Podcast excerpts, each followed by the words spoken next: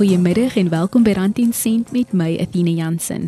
Vandag gesels ons oor hoe beter finansiële opvoeding groter inklusiwiteit in die versekeringsmark kan bevorder.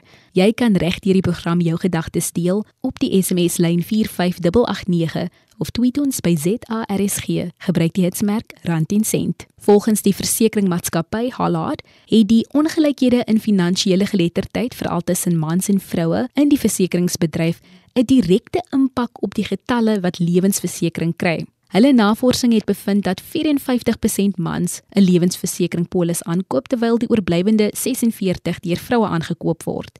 Lewensversekering word nie deur baie as noodsaaklik beskou nie, terwyl ander dink 'n lewensversekeringpolis is slegs ontwerp vir die geval van afsterwe. 'n Groot deel van Suid-Afrikaners het 'n wanpersepsie oor lewensversekering, insluitend dat lewensdekking net vir ryk mense is. Volgens Gerard van Wyngaard, die uitvoerende hoof aktuariël by Holland Life Solutions, is dit duidelik dat daar 'n opvoedkundige leemte is.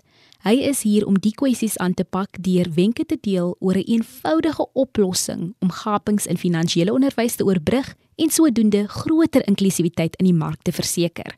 Baie welkom by Rand en Sent Gerard. Baie dankie, Fina. Baie lekker om jou te gesels. Gerard, ek het nou so 'n bietjie gedeel oor die statistiek wat jy gele bevind het. En nou wil ek by jou hoor watter faktore dra daartoe by dat meer mans as vrouens lewensdekking kry. Wat ook interessant is is dat die gemiddelde dekkingsbedrag wat mans uitneem ook jou wat hoër is as vrouens dikwels.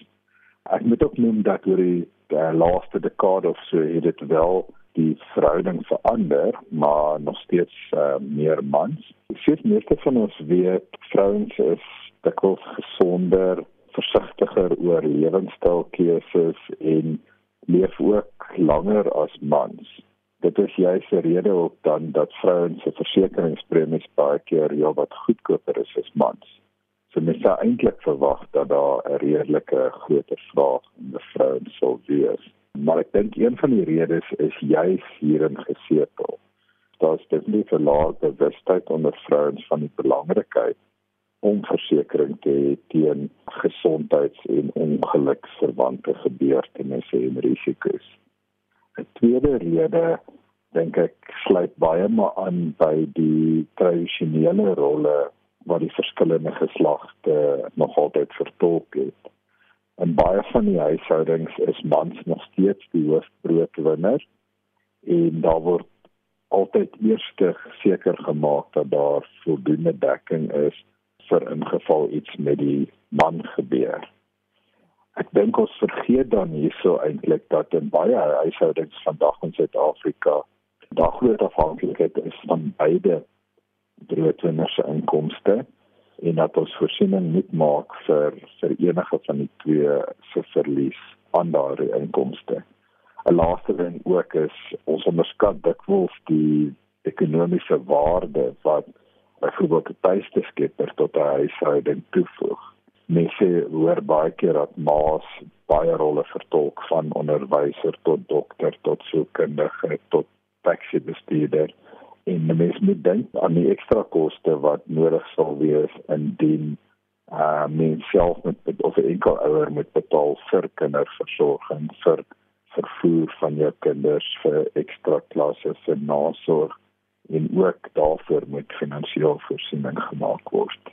Gerard deel ook die wanpersepsie wat mense het oor lewensversekering. Ek gaan so 'n paar min dalk. Eerstens is dat die misdaad hoor lewensversekering is vir ou of ouer mense. En natuurlik, mens kan redeneer wat word as oud gedefinieer. Maar dit is belangrik om te onthou dat ouderdom is beslis nie die belangrikste bepaler van 'n mens se finansiële behoeftes spesifiek in terme van lewensversekering ook nie. Baie belangrike faktore is goed soos het ek afhanklik is dat versorg moet word of voorsien moet word van 'n finansiële oogpunt. Wat is my eie finansiële doelwitte? Watter rol behoort lewensversekering in daardie te speel? En ook watter vlakke van skuld en watter tipe skuld het ek? En hoe verseker ek dat indien ek iets oorkom byvoorbeeld en my motor is op skuld ons ek of my gesin nog steeds die gebruik van daai motor kan behou.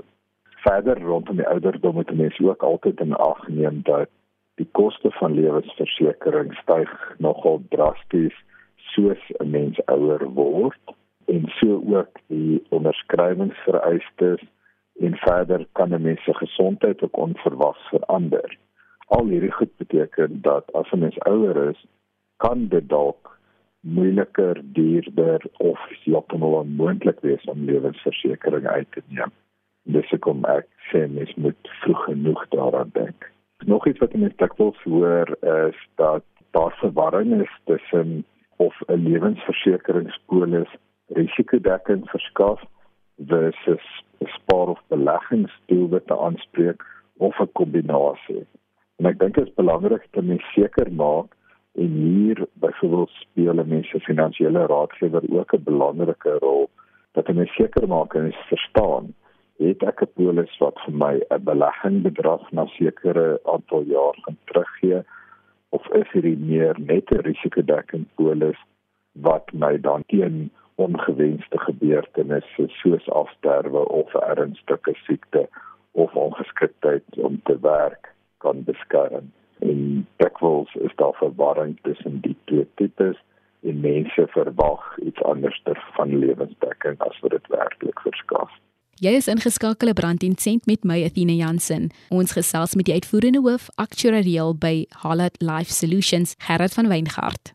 Iets anderster wat ek ook al dikwels hoor is dat mense fokus daarop dat lewensdekking is eintlik net nuttig na my afsterwe.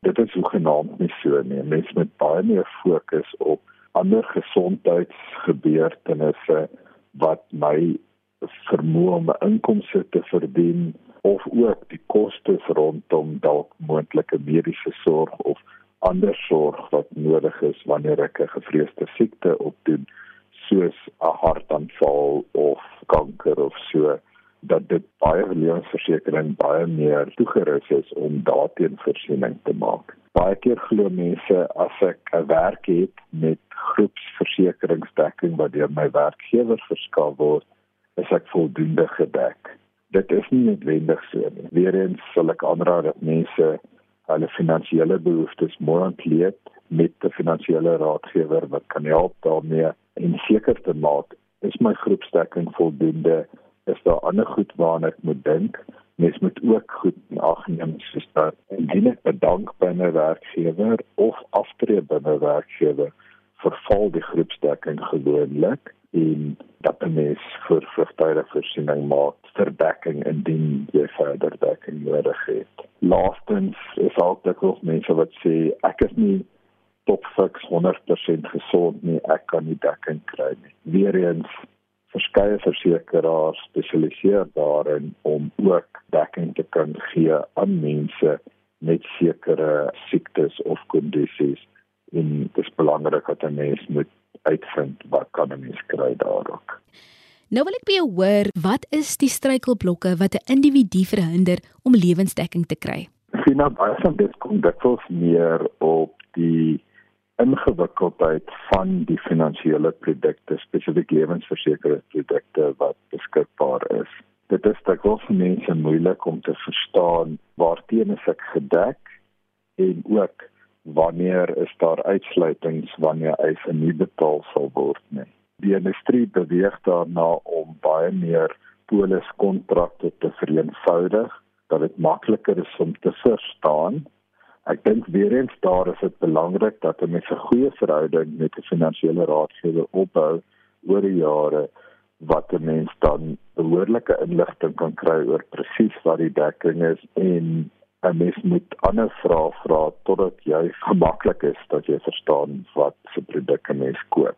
Tweedens is die proses om aansoek te doen vir onderskryfte versekerings dit was ook 'n redelike lang en moeilike proses. Daar's redelik papierwerk betrokke en partykeer moet 'n mens ook na die tyd weer kom vir mediese toetse vir verdere vrae.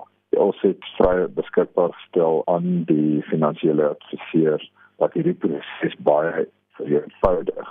Dit beteken dat deesdae kan finansiële adviseurs alles aanlyn doen terwyl die kliënt met hom of haar sit. Daar is 'n onderskrywings program wat dadelik vir 'n mens 'n besluit gee sodat 'n mens kan weet word my dekking aanvaar of moet ek verder iets gaan? Verder vra die applikasie ook al die regte vrae gebaseer op my spesifieke situasie. En dit maak die proses baie meer gestroomlyn en baie minder kom ons noem dit pynvol vir mense om aan te doen vir versekerings verskeie versekerings maak dit ook baie makliker vir mense om mediese toetse te doen deurdat hulle van rondreisende personeel gebruik wat die toetse by 'n mens se huis kom afneem. 'n Verdere hindernis is maar die bekostigbaarheid. Ons almal weet dat deesdae baie mense onder redelike ekonomiese druk is en ons kan dit ook sien in die mark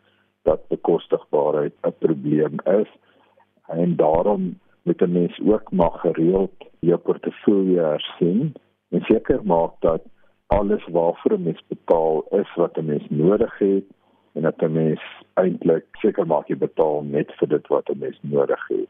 En laastens is dit baie keer nie lekker vir mense om te dink aan sterfte nie en om te beplan vir sulke goed nie. So mense vermy ook die onderwerp en ek dink dit is nie 'n wyse benadering nie. Wat beteken lewensversekering? Lewensversekering is belangrik juis omdat dit mens beskerm teen finansiële impak van onvoorsiene gebeurtenisse. Byvoorbeeld 'n verandering in my gesondheid, 'n ernstige siekte waarmee ek gediagnoseer word, kan impak hê, maar ek kan dit nie voorspel nie. En dit is hoekom die lewensversekering so belangrik is, want dit voorsien juis in daardie gevalle waar iets gebeur wat ek nie kon voorsien het nie. Die belangrikheid van lewensversekering neem ook baie meer toe in ons veranderende wêreld. Mense leef langer, so dit is belangrik ook om daarvoor voorsiening te maak. Maar daar's ook nuwe bedreigings. Min van ons sou drie jaar terug kon dink dat 'n pandemie elke aspek van ons lewe so wesentlik sou kon verander soos wat gebeur het met COVID-19 en al die hartseer daarmee maar ook weer eens die finansiële impakte daarvan. Die versekeringsbedryf het baie biljoene rande ekstra betaal juis om mense te vergoed vir die impak van COVID. Jy luister na Rand 10 sent met Athena Jansen. Ons gesels met Gerard van Weingart oor lewensversekering versekerings is ook belangrik om seker te maak dat 'n mens sy finansiële doelwitte bereik. Dit kan verskillende goed wees. Dit kan insluit om voorsiening te maak vir opvoeding van my kinders as ek dalk nie meer daar is nie of vir my familie om hulle lewenstyl te aanpas wanneer 'n siekte my dalk tref of ek nie meer daar is nie. Dit is verder ook 'n baie belasting doeltreffende manier om voorsiening te maak soos vir aftreebeplanning en boedelbeplanning. Gerard deel ook nou die noodsaaklikheid van finansiële geletterdheid en maniere om dit te bevorder. Dit is baie belangrik dat ons verstaan watter verskillende finansiële en lewensversekeringsprodukte beskikbaar is, asook hoe om voorsiening te maak vir die impak van sekere gebeurtenisse. Baie mense word oorweldig met die groot hoeveelheid en die kompleksiteit van produkte en daarom word daar redelik werk gedoen deur versekerde instansies om mense meer te bemagtig met inligting. As 'n mens meer bemagtig is met inligting, kan 'n mens ook beter besluite neem en kan 'n mens ook beter onderskei watter produkte werklik nodig is en watter werklik waarde vir geld my het. Vir my kan ek byvoorbeeld noem dat een manier om inligting te kry is aanlyn platforms. As jy my begin kan ek dalk twee noem. Die een is Assisa, dit is 'n vereniging vir versekerings en spaar in Suid-Afrika. Hulle het 'n baie handige aanlyn inligtingdiens. Die webadres is smartaboutmoney.co.za daar kan 'n mens inligting kry van begrotingsbeplanning, lewensversekering, beleggings, lenings. Daar verskaf hulle ook vir mense die nodige toerusting en nuttige wenke oor die regte tipe produkte. 'n Tweede bron vir my is Allard het uh, Streetwise Finance. Dit is ook 'n inligtingwebblad wat vir baie nuttige inligting gee oor hoe om begroting saam te stel, wat om te oorweeg wanneer mens aan beleggings dink, versekerings, lewens- en korttermyn, as ook hoe om vir mense aftrede te beplan. Ek wil net laasens ook weer sê 'n goeie verhouding met 'n finansiële adviseur is ook 'n belangrike manier om inligting te kry en om seker te maak 'n mens bly altyd op die hoogte van impak van belasting tot boedelbeplanning en alles tussenin. Ek wil net ook noem in terme van die inligting wat mense op die internet kan kry. Mense het altyd net so tikkie soos die Engelsman sê common sense gebruik wanneer 'n mens deur dit lees.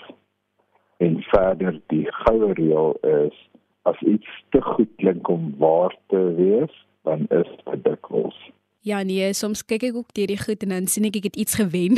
dan moet ek weet dit is te goed om waar te wees.